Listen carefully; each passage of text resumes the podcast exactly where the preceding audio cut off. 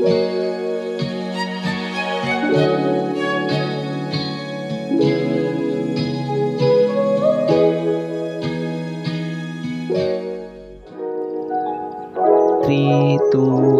Halo. Kembali lagi Bersama Fitri yo. dan Hilmi. Kali ini eh kembali lagi kita membahas soal kesehatan mental ya. Sebelumnya eh kita udah minal-minul belum sih? Eh belum sih, Belum ya? belum. Oke, sebelum ngobrol-ngobrol sedikit mungkin kita minal-minul dulu ya. Oke, minal-minul guys. Minal aizin wal faizin. Taqabbalallahu minna wa minkum. Selamat hari raya Idul Idul. Fitri tahun 1444 Hijriah. Mohon Hmm. maaf lahir dan batin. Kamu ada yang mau diomongin nggak? eh, tahu. Apa ya? Eh ya, ya. Mohon maaf lahir dan batin juga guys. Ya, eh tadi sama sih. Oh, iya. Disamain dong. Ya kan biar mempersingkat gitu loh. Ya, kirain mau ada kata-kata mutiara gitu kan. Apa ya? Ya, ya selamat selamat mendapatkan THR dan selamat Wah. eh, memberikan THR. Wah. Ada dua ya tuh ya. Iya. Mendapatkan dan Eh memberikan. golongan golongan yang mendapatkan dan golongan yang memberikan. Iya. Ngalir gitu ya. Kita jadi ini doang, jadi orang ketiga. Iya, Dapat kasih lagi habis itu. enggak sih. Oh enggak. Oke, oke. Eh, ngomong-ngomong THR udah habis kali ya. Iya, udah habis. Ada yang habis buat beli tiket konser kan. Eh, Coldplay. Iya. Eh, ada. tapi emang ada yang dapat THR seharga tiket Coldplay? Ada lah. Ya, ada tapi bukan kita kayaknya. Iya, ya itu itu poin terpentingnya ada, tapi bukan kita. Iya. Seandainya kita gitu kan nggak buat perang tiket konser pasti buat beli yang lain. Iya sih. Iya, contoh ya perangkat gadget baru gitu kan, Hmm, kayak gitu. Oke. Hari ini kita mau ngobrolin apa nih? Udah kelar bahasa basinya nih. Iya. Langsung to the point nih. Iya. Oke, jadi hari ini kita mungkin bahas soal konseling ya. gitu Mm. karena eh udah lama kita ngisi podcast tentang mental health tapi mungkin belum ada episode khusus ngebahas soal konseling kali ya kayak gitu Iya, betul. ya walaupun kita udah sedikit sharing soal pengalaman kita ke apa ya konseling ke ahli atau ya sekedar ke apa ke temen atau dosen ya mungkin udah pernah gitu kan tapi Mm-mm. belum ada obrolan yang lebih dalamnya nih soal konseling kayak gitu. Nah, eh, berhubung ngomongin konseling, ya mungkin kan definisi konseling ini kan banyak ya, gitu. Hmm. Dan sebenarnya cukup luas. Tapi mungkin kalau kita coba eh kita coba artikan lagi, kita coba definisikan lagi, konseling itu apa sih menurut kamu Fit? Iya, mungkin nggak usah terlalu apa ya menurut ahli banget gak sih? Iya, oke oke oke. Karena ya kan nggak semua pendengar itu paham sama psikologi gitu loh. Betul. Jadi mungkin eh, definisi sederhananya itu konseling itu adalah curhat untuk menyelesaikan masalah kepada yang lebih ahli gitu. Hmm. yang lebih ahli dan berpengalaman kali ya. Ya betul. Dan ada dan ada ilmunya. Oh, ada ilmunya. Oh, Oke. eh apa ya menanggapi curhatan itu pun juga pakai ilmu. Ya, Hmm. Ilmu apa Oh. tuh? ilmu konseling. Oh, ilmu konseling. Kirain lu pakai ilmu ini kan, Ilmu ilmu sembur, debus. ilmu sembur. Brr, gitu. Tiba-tiba Ilmu kumur-kumur, brr, gitu. Oh gitu. Oke. Belum belum setengah jam sih Mi.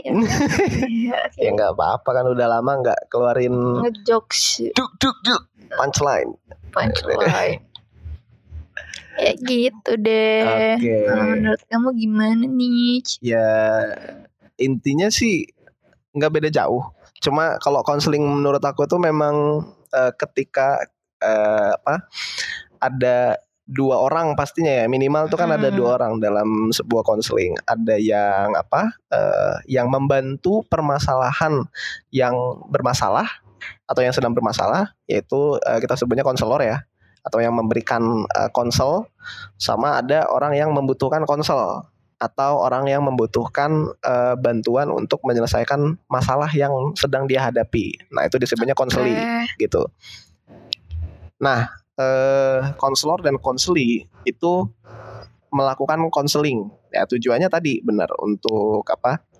Untuk eh, membantu mencari penyelesaian dari masalah yang sedang dihadapi oleh konseli gitu. Mm. Nah, Atau ad- atau oleh orang yang apa? ke konseling yang punya masalah orang yang curhat Ya orang yang curhat itu konseli, masalah Iya. yang dihadapi oleh konseli. nah itu oke lanjut Kamu ngapain jelasin nama? Kamu ngapain jelasin ulang hal yang baru aku jelasin sebelumnya? enggak iya kan itu konseli konseli itu adalah Ya ini aku mau jelasin oh oke oke oke Heran. Oke. Oke. Ini dari kemarin Fitria seperti ini guys. Kenapa emang? Ya apa aku ngomong apa dia pengen ngelengkapin tapi ngelengkapinnya hal yang mau aku omongin gitu kan. Jadi eh, apa konseli itu yang memang bermasalah gitu. Mm-mm. Orang yang membutuhkan konsel Mm-mm. yang sedang bermasalah kayak gitu. Nah, ketemulah mereka dalam eh, sebuah tempat gitu ya. Yang pasti eh, apa tempat untuk konseling juga nggak boleh sembarangan. Nggak bisa dilakukan di tempat publik gitu. Atau di rumah. Nah, kalau di rumah masih bisa. Jadi intinya tempat untuk konseling itu sebisa mungkin adalah tempat yang memberikan kenyamanan pada Mm-mm. si konseli dan juga kepada konselor untuk si konselor memberikan konsel dan konseling itu untuk mem- apa, me- apa, me- menceritakan permasalahannya Oke. seperti itu. Habis itu eh, konseling ini kan eh, gak cuma curhat doang, Mm-mm. gak cuma bicara doang. Betul. gitu. Jadi eh, tergantung dari permasalahannya, tentunya akan ada semacam eh, tindakan atau Mm-mm. kegiatan yang nantinya dilakukan oleh konselor dan konseli gitu. Hmm, Jadi ya ya apa kita eh, yang paling umum taunya itu tindakan dalam konseling itu adalah terapi Mm-mm. seperti itu gitu. Memang eh, sebagian dari terapi ini kan bentuknya cuma ngobrol aja ya gitu. Tapi ngobrolnya pun nggak cuma sembarang ngobrol gitu. Iya. Ngobrolnya itu ya ngobrol yang terstruktur gitu. Ada prosedurnya, ada step by stepnya, ada hasilnya gitu kan. Dan apa? Dan yang pasti konseling ini juga eh, apa? efikasi atau keampuhannya itu bergantung dari konselinya juga gitu. Tuh. Ya ibaratnya sama kayak kita ke dokter ya. Kalau Hmm. misalnya kita udah ngasih keluhan ke dokter, udah dikasih obat, tapi kita nggak minum obatnya, nggak pakai obatnya ya, ya penyakitnya tetap ada gitu. Mm-mm. Berlaku juga di konseling dan terapi gitu. Kalau udah kita udah konseling, tapi pas konseling nggak efektif atau pas terapinya nggak dijalankan dengan baik, ya tetap jadi masalah. kan kayak gitu, masalahnya nggak hilang Oke. seperti itu. Itu sih eh, sedikit hal umum tentang konseling ya, kayak Yap. gitu. Oke deh. Tapi eh kamu pernah nggak eh konseling atau ngekonsul orang? Pernah, cuma mm, dibilang pernah, dibilang pernah sebenarnya ini ya, eh nggak juga gitu. Ya antara iya dan enggak gitu. Kayak eh, apa? Aku kan memberikan saran gitu ya, memberikan saran, terus apa?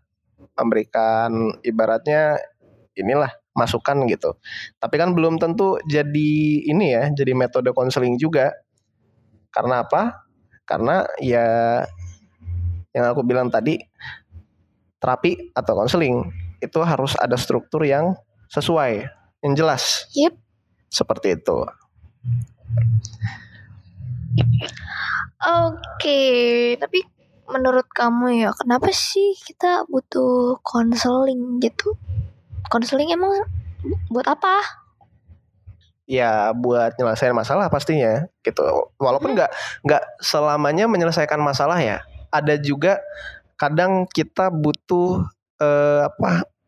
butuh masukan Iya. dari orang betul. lain untuk meningkatkan kemampuan kita misal kita ngerasa kita udah eh, apa udah bagus banget dalam suatu bidang Mm-mm. tapi dalam hati kita ini masih bisa ditingkatkan lagi tapi kita nggak Mm-mm. tahu harus ngapain harus melakukan apa untuk meningkatkan kemampuan itu nah itu kita bisa melakukan konseling kepada orang yang menurut kita lebih ahli, ahli.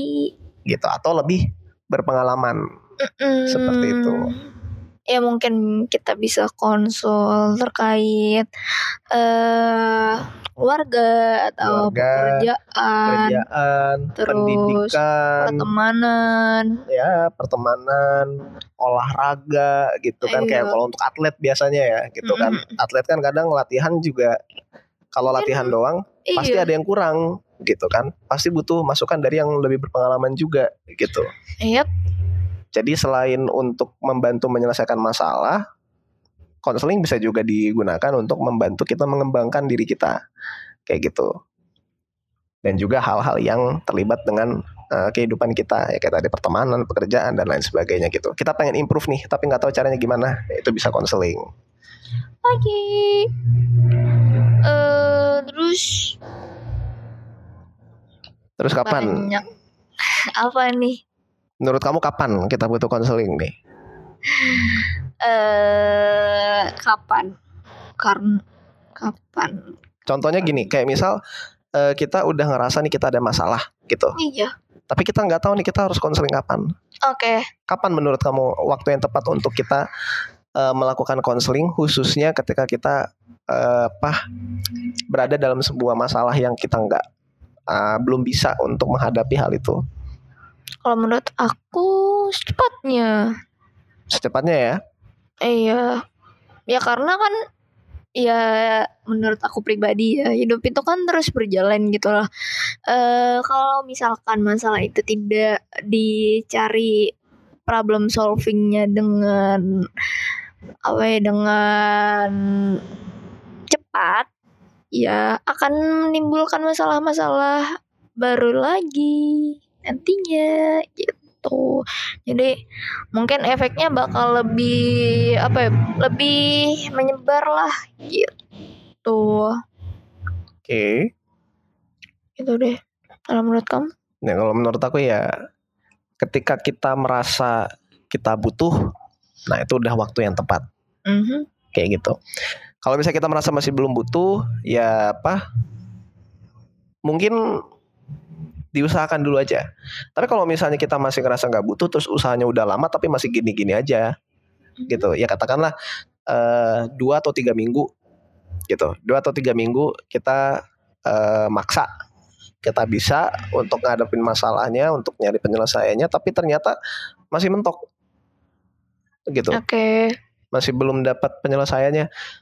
Ya kalau menurut aku sih itu eh, waktu yang tepat gitu tiba-tiba kepikiran aduh masih mentok aja nih kayaknya butuh bantuan yang lebih ahli deh atau yang lebih Mm-mm. berpengalaman deh soal permasalahan ini gitu nah itu baru bisa eh, kita coba melakukan konseling ke orang yang lebih ahli atau berpengalaman gitu Hmm. ya patokan Mm. waktu itu kan gak ada yang jelas ya maksudnya iya kalau permasalahannya kecil ya mungkin lebih cepat lebih baik ya gitu. Kalau permasalahannya cukup panjang mau diusahain dulu kan biasanya agak lama ya Mhm. gitu kan. dan mungkin cari tempat buat konsulnya itu bukan hal yang mudah juga gitu Mm-mm. kalau misalkan kita kan ya mungkin kita ada akses yang lebih mudah gitu buat konsul karena kita juga mahasiswa psikologi gitu tapi gak menutup kemungkinan untuk masyarakat umum apalagi masyarakat-masyarakat yang mungkin pengetahuan tentang psikologinya masih belum terlalu banyak gitu ya itu bukan apa ya ya itu adalah hal yang susah buat akses yang susah buat mereka dapetin gitu ya Oke, kan oke. Ya apa?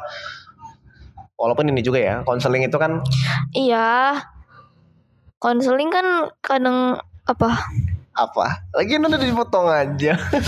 konseling itu nggak harus ke psikolog atau psikiater. Kalau kita ngomongin konseling itu kan jujur ya, kayak hmm, permasalahan tentang spiritual, ya masa larinya ke psikolog atau ke psikiater, iya ya kan? Ya kalau spiritual ya pasti lebih cocok kita konseling ke ahli eh, kepercayaan kita. Gitu. Misal kalau Islam ya kita ke ustadz Gitu kan. Mm-mm. soal eh, apa? Nih ibadah saya makin males nih atau misal eh, apa? Kayak susah banget buat khusyuk sholatnya dan lain sebagainya gitu. Mm-mm. dan apa eh, ya untuk eh, apa agama lain pun ya pasti ada tokoh-tokoh ahli atau yang Oke. berpengalaman dalam eh, konteks agama gitu. Nah itu kan bisa dilakukan konseling di situ dan itu merupakan Hmm. bentuk konseling juga Mm-mm. kayak gitu. Makanya eh, apa permasalahan itu kan nggak cuma permasalahan mental ya kalau kita ngomongin konseling ya walaupun kita eh, sebisa mungkin bahas permasalahan mental tapi kalau kita ngomongin konseling secara umum ya Mm-mm. nggak cuma untuk eh, apa nggak cuma untuk psikologi aja gitu Oke. kayak gitu dan apa untuk aksesibilitasnya kalau menurut aku sih Mm-mm. balik lagi ke yang membutuhkannya gitu Kenapa tuh? Ya ketika yang bermasalah ini punya niat yang kuat pasti lebih mudah untuk mencari eh, kesempatan melakukan konseling ya gitu. Melakukan konsultasi gitu. Hmm, dengan Oke. yang lebih ahli atau berpengalaman. Tapi kalau misalnya niatnya masih belum tinggi Mm-mm. ya susah. Tapi kan sekarang banyak kayak kayak konseling di IG IG banyak akun-akun konsul gratis gitu biasanya ya mereka pakai platform eh, lewat via Zoom kayak gitu-gitu sih. ya ya itu juga ya di era yang Ya, sekarang salah satu ar- alternatif lah gitu. Iya, di era yang sekarang tentu eh, ada alternatifnya ya, gitu Mm-mm. untuk konseling. Walaupun eh, masih banyak perdebatan, tapi setidaknya jika memang model konseling tertentu itu bisa dilakukan lewat platform digital, Mhm. ya bisa-bisa aja gitu. Kecuali yang memang susah atau nggak bisa diadakan secara digital. Ya kayak misal kalau di psikologi itu kan ada konseling kelompok gitu kan Mm-mm. itu eh, apa sebenarnya agak susah untuk diadakan secara digital karena eh, apa dampak dan manfaatnya itu pasti berkurang. Kalau diadakan lewat digital kayak gitu. Ya begitupun model konseling lainnya gitu. Kayak CBT misal. Mm-mm. cognitive behavioral therapy itu kan ini ya eh, ada bentuk demonstrasi perilaku juga yang harus dilakukan oleh konselor kepada konseling. Ya mungkin nggak bisa tersampaikan secara mendetil kalau lewat digital gitu. Makanya memang lebih cocok alternatif itu kalau konteksnya psikologi Oke. terus aku pengen nanya nih pengalaman kamu ketika konseling Apa? eh enggak bukan ketika sebelum Eh, pas lagi konseling dan juga sesudah konseling. Tapi peng- tiga. pengalaman disadar aja. Ya iya dong, biar berentet, eh biar beruntut. Ya, pengalaman sebelum konseling. Pastinya sebelum konseling ya apa ya? Em, kepikiran masalah ya kali ya. Sebelum. Iya, terus kayak iya hmm, harus apa ya? Ya bingung mau mau cari penyelesaian masalahnya tuh gimana gitu loh. Nah, terus um, ya pastinya ada hal-hal apa ya kayak pikiran-pikiran negatif dan segala macam. Oke. Itu Oh. pikiran negatif itu gimana tuh? Pikiran negatifnya, pikiran negatifnya, Get- ya ya ya ya ya Iya iya iya rahasia. apa? Iya yang kamu bisa Rahasia. jelasin aja. Hmm, Yang kamu rasakan, yang bisa dijelaskan. pikiran negatifnya mungkin lebih kayak ya itu kayak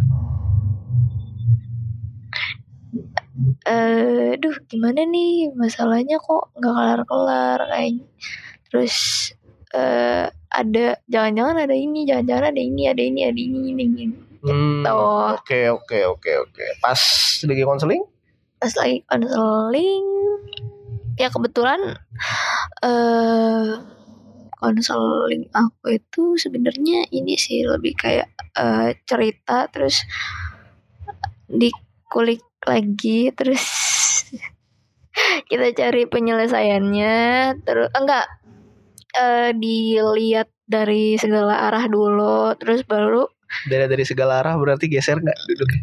ya Berarti jadi sambil sambil muter-muter konselornya sambil muter-muter. iya terus terus. Terus baru setelah dirasa ketemu titik titik temunya, titik permasalahannya, baru dicari satu-satu eh problem solvingnya gitu. Oke. Pas habis konseling, apa yang kamu rasakan? Pas habis konseling, ya pastinya, hmm, lega kali ya. Oke. Leganya tuh gimana? eh leganya itu karena kalau aku pribadi kan lebih ke sebenarnya aku kalau cerita udah gitu cerita cuma aku belum cerita ke orang yang aku anggap expert gitu di dalam bidang tersebut Oke. Nah, terus iya aku cerita sejauh ini tuh tanpa ada saran yang menurutku konkret gitu. Nah, terus pas di konseling itu ya aku cerita terus aku dapat dapat apa ya? Hmm, dapat empati empati apa ya maksudnya eh apa ya kayak aku ngerasa eh, si konsel kon, konselor konselor itu tuh ya mm, memahami aku dan permasalahanku gitu Oke. jadi ya ada rasa ya leganya tuh sebenarnya di situ Oh, lega karena karena akhirnya ada yang ngertiin aku gitu. bukan ngerti bukan sebatas ngertiin Oke. Tapi bisa ngasih tapi solusi bisa juga. ngasih solusi juga dan Oh. ngoso- eh, ngasih solusinya mungkin pas awal-awal kayak eh apa ya ya kayak kayak hal yang basic gitu sampai bukan basic sih kayak hal yang sebenarnya itu tuh udah aku lakuin gitu Hmm, tapi kamu kurang sadar. udah sadar dan nggak berhasil gitu jadi pas awal konseling itu tuh sampai sampai yang konselor aku tuh sampai pusing gitu Oh iya. yang iya cara apa lagi pakai cara apa lagi supaya Oh. menyelesaikan permasalahan ini gitu tapi Parah nih kamu bikin pusing orang. Enggak enggak canda. ya iya aku emang emang bikin pusing semua orang. Waduh, tolong aku salah ngomong. eh, canda canda. Terus? Terus? Terus em, ya pokoknya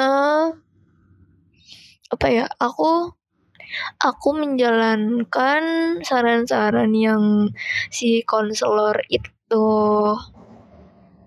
kasih ke aku walaupun nggak semuanya Oke, oke. walaupun nggak semuanya tapi ya aku jalanin dulu terus eh, aku lihat progresnya terus kalau misalkan ada perubahan atau malah ada masalah lain yang baru ya aku konseling lagi gitu Hmm. Oke. gitu deh Eh, kenapa panjang ceritanya. eh emang iya oh Lumayan. iya yaudah yuk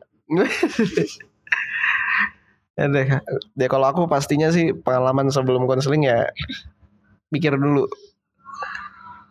Pertama, kalau konseling ke ahli duitnya cukup nggak? Iya, pasti bukannya Gitu. gitu gak sih? Aku juga dulu kayak gitu. Ya kepikiran terus sampai Heeh. gak gak konseling konseling. Iya, itu eh, apa ya perasaan yang muncul itu pasti soal ini ya, soal kekhawatiran, Iya. kekhawatiran finansial, terus juga kekhawatiran kecocokan dengan konselor gitu. Hmm, Karena kan betul, kita betul, kepikiran juga ntar nanti kita ketemu ahli ya entah psikolog atau psikiater itu kira-kira cocok nggak sih sama kita gitu. Hmm, Kira-kira mereka bisa eh, mau denger dan memberikan perhatian yang sesuai dengan kita atau enggak sih gitu. hmm, betul, betul. Ntar kalau misalnya udah ke sana tapi kita ngerasa nggak puas gimana gitu. Jadi kecemasan itu ada gitu. Nah ketika aku konseling ya karena aku memang orangnya eh secara nggak sadar selalu menjelaskan hal secara detail ya Mm-mm. gitu dan juga eh, apa secara rapi gitu. Ya aku kalau konseling tuh pasti lama. Oke, Ya, kalau disuruh konseling 20 menit 30 menit nggak bisa sama aku juga. kayak gitu. Sama. bukan karena bukan karena ini ya bukan karena memang aku pengennya lama tapi karena memang pertama ya soal kebiasaan aku gitu kan Hmm. kebiasaan aku ketika menjelaskan sesuatu yang memang menurut aku jadi masalah itu pasti detil Mhm. panjang gitu walaupun aku bisa persingkat tapi eh, aku nggak bisa eh, apa terlalu nyingkatin hal tersebut karena aku juga ada kekhawatiran kalau misalnya nanti aku jelasnya terlalu singkat Mhm. ada detil-detil yang mungkin bisa jadi pertimbangan untuk mencari solusi eh, apa permasalahannya bareng sama konselor gitu Iya. kayak gitu. Terus juga eh, yang pasti aku ketika konseling itu lebih ini ya, lebih fokus kayak gitu. Fokus. Jadi aku ketika konseling itu benar-benar nggak mikirin di luar ruangan konseling itu. Hmm. Kayak misal nanti aku ada kerjaan gitu, itu nggak kepikiran gitu. Atau misal nanti eh, apa ketika habis konseling aku mau ngapain gitu pas konseling itu nggak kepikiran sama sekali. Oke. Jadi benar-benar apa ya? eh ya berkat konselor yang memang ahli juga gitu kan dan berpengalaman. Jadi dia bisa mensituasikan ketika aku ngobrol dengan dia, ketika aku konseling dengan dia, itu fokus itu benar-benar cuma ada di situasi itu aja gitu. Dan Hmm. memang eh fokus ke masa lalu yang memang dibutuhkan untuk eh, apa menjelaskan dan juga mencari eh, permasalahannya gitu, mencari eh, apa solusi dari permasalahannya kayak gitu. Jadi benar-benar fokus ketika dalam konseling itu. Terus eh, mungkin yang terakhir ketika konseling ya, aku juga ngerasa kalau aku itu ya lebih bisa menyampaikan permasalahan aku lebih lebih lega lagi gitu. Maksudnya lebih lebih leluasa lagi gitu. Kadang kan eh, ada kalanya ketika aku curhat sama temen atau curhat sama yang lain gitu ya di luar konseling itu ada sedikit lega tapi nggak 100% lega gitu. Ya betul betul. Cuma kalau lagi konseling itu curhat itu benar-benar 100% lega. Jadi kayak semua yang memang aku pengen ngomongin itu keluar semua kayak gitu. Pas habis konseling yang tadi lega perasaannya gitu kan. Lega karena apa yang ketahan di dalam otak dan jiwa gitu kan itu akhirnya bisa terkeluarkan habis itu lebih optimis sih gitu. Setelah apa? Setelah konseling. Gitu. Terus eh, apa? Kalau menurut kamu nih apa aja sih yang harus diperhatikan? Kalau kita pengen konseling tadi mungkin udah disebutkan beberapa ya kayak apa? Eh, uang ya pasti ya harus Mm. diperhatikan gitu kan. Ya apa? Kalau uangnya banyak mau konseling dengan terapis yang mahal atau dengan Boleh. orangnya- orang yang berpengalaman Iya. yang fee-nya mahal ya nggak Iya. masalah gitu kan cuma ya kalau duitnya pas-pasan ya sebaiknya jangan gegabah gitu kan. tapi juga jang- jangan terlalu semena-mena gitu Ah, misal mentang-mentang punya temen kuliah jurusan psikologi konselingnya ke dia Ya, konseling padahal kan dong gitu. iya padahal kan dia belum punya kualifikasi Dan kan. konseling itu kan bukan bukan sekedar curhat iya dan Gitu. sebenarnya malah setahu aku ya nggak boleh konseling itu ke eh, orang yang kita kenal atau orang yang kita kenal deket gitu. Jadi takutnya dikhawatirkan ya penilaiannya nanti eh, lebih subjektif ya gitu. ya itu kan eh, apa sebenarnya kembali lagi ya kalau misalnya si temennya yang konselor misalnya eh, Hmm. itu bisa ya sebenarnya nggak masalah kekhawatiran itu tetap ada cuma Yep. yang penting ahli dulu gitu loh maksudnya Iya. iya yang jangan penting jangan baru semester 2 psikologi itu konseling gue dong iya jangan jangan apa eh, jangan gegabah gitu ya Iya, betul. intinya karena dalam konseling itu ya tadi ada terapi ya kan Mm-mm. gitu ada hal-hal lain juga yang harus eh, membutuhkan keahlian. Makanya ada keahlian konseling gitu. Terus apa lagi Fit selain finansial? Finansial. Sama yang tadi udah dijelasin. Search searching. Searching ya? Iya. Tuh, cari-cari mungkin di apa? Cari-cari. di website-website dokter Mm-mm. gitu ya. Kalau psikiater kalau psikolog juga ada kayaknya di website-website halo dok. Kayak halodoc halo dokter gitu. Itu ada tuh. Mm. eh, apa? Penjelasan eh, ahli entah psikiater atau psikolog yang mungkin bisa ngebantu kita untuk cari referensi kira-kira kita mau ke mana gitu. Betul. Atau ya apa? Eh, bisa juga ke ini ya lembaga lembaga eh, layanan psikologi itu juga bisa gitu. Betul. Ya mungkin eh, banyak yang nggak tahu tapi psikolog itu ada yang buka praktek rumahan. Iya. Kayak gitu. Ataupun bu- eh, buka praktek layanan di ruko misal. Ya apa? Mm. eh, ibaratnya sama kayak kayak klinik dokter lah ya. Iya ada yang kayak klinik ada yang kayak tempat apa? Tempat pemberikan pemberian layanan jasa gitu kan. Tapi emang ada gitu. Jadi layanan pem- apa? La- layanan psikologi itu dalam apa nggak cuma dalam perusahaan iya atau dalam eh, institusi eh, pendidikan kayak gitu. Tapi ada juga yang praktek mandiri gitu. Nggak cuma di rumah sakit. Nah kalau misalnya kita search sebenarnya kita bisa menemukan Mm, gitu ya. betul Jadi betul searching yang pasti gitu. iya Apalagi kira-kira? Huh, uang udah, searching udah, terus catat permasalahan ya sih kalau menurut aku. Gitu ya. Iya sebelum sebelum kita ke konselor gitu ya langkah baiknya untuk nggak ngangong-ngangong nggak ngangong-ngangong Eh, bicara dari hati banget. Alangkah baiknya tidak ngangong-ngangong gitu. ya dicatat dulu apa keresahannya kira-kira permasalahannya apa aja. Gitu. Misalkan masalahnya masalah tentang eh pekerjaan. Hmm, terus masalahnya apa? Masalahnya A B C D E. Banyak loh. gitu. Gitu deh. Sama yang terakhir mungkin ya. apa tuh? Nggak ada proses yang instan. nah betul gitu. Jadi jangan kalian harap konsul apa eh, konseling itu ya. sekali ketemu kelar kelar gitu. masalahnya Enggak Tidak. gitu konsepnya kayak gitu ya kecuali kalau memang nggak ada gangguan gitu Eh, atau permasalahannya permasalahan ringan dan Iya. bisa di apa bisa melakukan self healing gitu ya yep. self healing proses entah dengan cara self journaling atau nanti yang diberikan eh, petunjuknya sama konselornya cuma Hmm. ya ya itu semua proses nggak ada yang instan jadi jangan harap kalian eh, sekali konseling sekali ketemu itu langsung beres langsung semua. beres gitu karena kalian juga akan menghadapi proses penyembuhan eh, secara mandiri juga gitu kan Yep.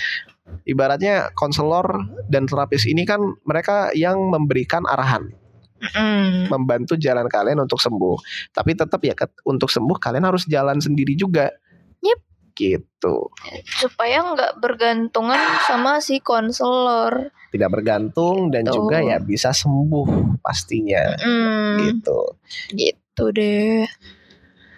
Ya mungkin udah udah berapa udah- menit nih? aduh udah lama ya? Ya Gak apa-apa lah udah lama gak ngobrol sekali ngobrol lama. Enggak sih ini belum belum terlalu Oh, belum terlalu ya? kalau Oh, iya. yang eh ya gua ada yang mental health yang dulu kemarin-kemarin kan um, ada yang sampai 50 menit. Ada ya? Ada. Hmm. 40 menit. Eh, kasihan boleh. Aduh bener lagi. Betul betul. Oke. Paling yang terakhir dulu sih. Apa tuh? Kalau udah selesai konseling enaknya ngapain? Habis itu apa? Nenangin diri. Nenangin diri terus coba dicari eh permasalahan apa yang cocok dengan saran si konselor. Oke. Dan dan cara melakukannya seperti apa gitu. Kalau dari aku gitu sih kalau kamu? Nah, kalau aku ya habis konseling enaknya tidur. ya tidur. Karena kan capek. Bener lagi Iya, mungkin mungkin ya banyak emosi-emosi yang keluar gitu pas eh, konseling, entah itu nangis atau eh, senang. Dan emosi emosi itu tuh dikeluarkan di satu waktu gitu. hmm. ya kalau aku biar ngejernihin pikiran aja sebenarnya Mm. makanya tidur cocok tidur Oh, beneran tidur. pengennya cuma kan tergantung waktunya ya Oh iya. kalau waktunya betul. pagi ya pagi kan susah juga gitu kan habis itu tidur karena ada kegiatan lain Hmm. gitu kan ya pagi siang sore kan susah cuma kalau misalnya ya konselnya sore ini katakan terus ya tidur dulu ah bentar sejam gitu ya Eh, bisa sampai malam. jangan dong sebisa mungkin jangan cuma kalau Oke. kalau ter- kalau kejadian ya udah rezeki. Jadi tinggal diteleponin Mbak Mbak itu, mbak apa? Mbak Les. mbak les astaga. Ya mungkin selain tidur ya pastinya sedikit inilah mini refreshment lah sedikit refreshing gitu. Entah apa ya mungkin jalan sedikit jalan kaki sedikit gitu sambil refleksi diri. Oke, dan mengamati keadaan atau sambil naik motor juga nggak masalah sih. Oke. kayak gitu. Ibaratnya kayak butuh waktu inilah kayak waktu recess dulu atau waktu Hmm, istirahat dulu betul, betul, setelah konseling sebelum melakukan kegiatan yang lain. Gitu. Yap. kayak paling itu aja ya. Iya, apalagi? Udah udah jangan banyak banyak ntar kasihin dulu kasihan boleh. oke paling itu aja dari Itu kita. 40 menit juga guys. ya gak apa-apa. Ya udah. Ah, eh, untuk kalian para audiens kami tercinta emang iya. ya udah deh. Eh, untuk kalian eh, para audiens yang kami pedulikan yang kami eh, usahakan untuk tetap sehat secara mental. Oke. jangan lupa untuk stay tune di episode di podcast KKN KN episode Gak usah diomongin deh episode deh. Ntar ada sendiri. ya udah kalau gitu kita Oke. eh, undur diri dulu. Semoga kalian Ya. sehat secara fisik dan mental. Dan bagi kalian yang masih kurang sehat secara fisik ataupun secara mental, kami doakan semoga cepat pulih Yup. dan juga semoga bisa menghadapi hari-hari kalian gelap banget sih. Semoga Oke. Kalian bisa menghadapi hari-hari kalian dengan Mhm. setidaknya lebih semangat, lebih tenang dan lebih bersahabat. Yeay. Kenapa? Hidup Karena nomor dua. kita juga bersahabat. Kamu ini apa sih? Nyeletuk apa sih kamu? Udah, Ah, aku Hilmi. Oke. Ah, aku Fitria. Sampai jumpa di episode berikutnya. Bye bye. Bye bye.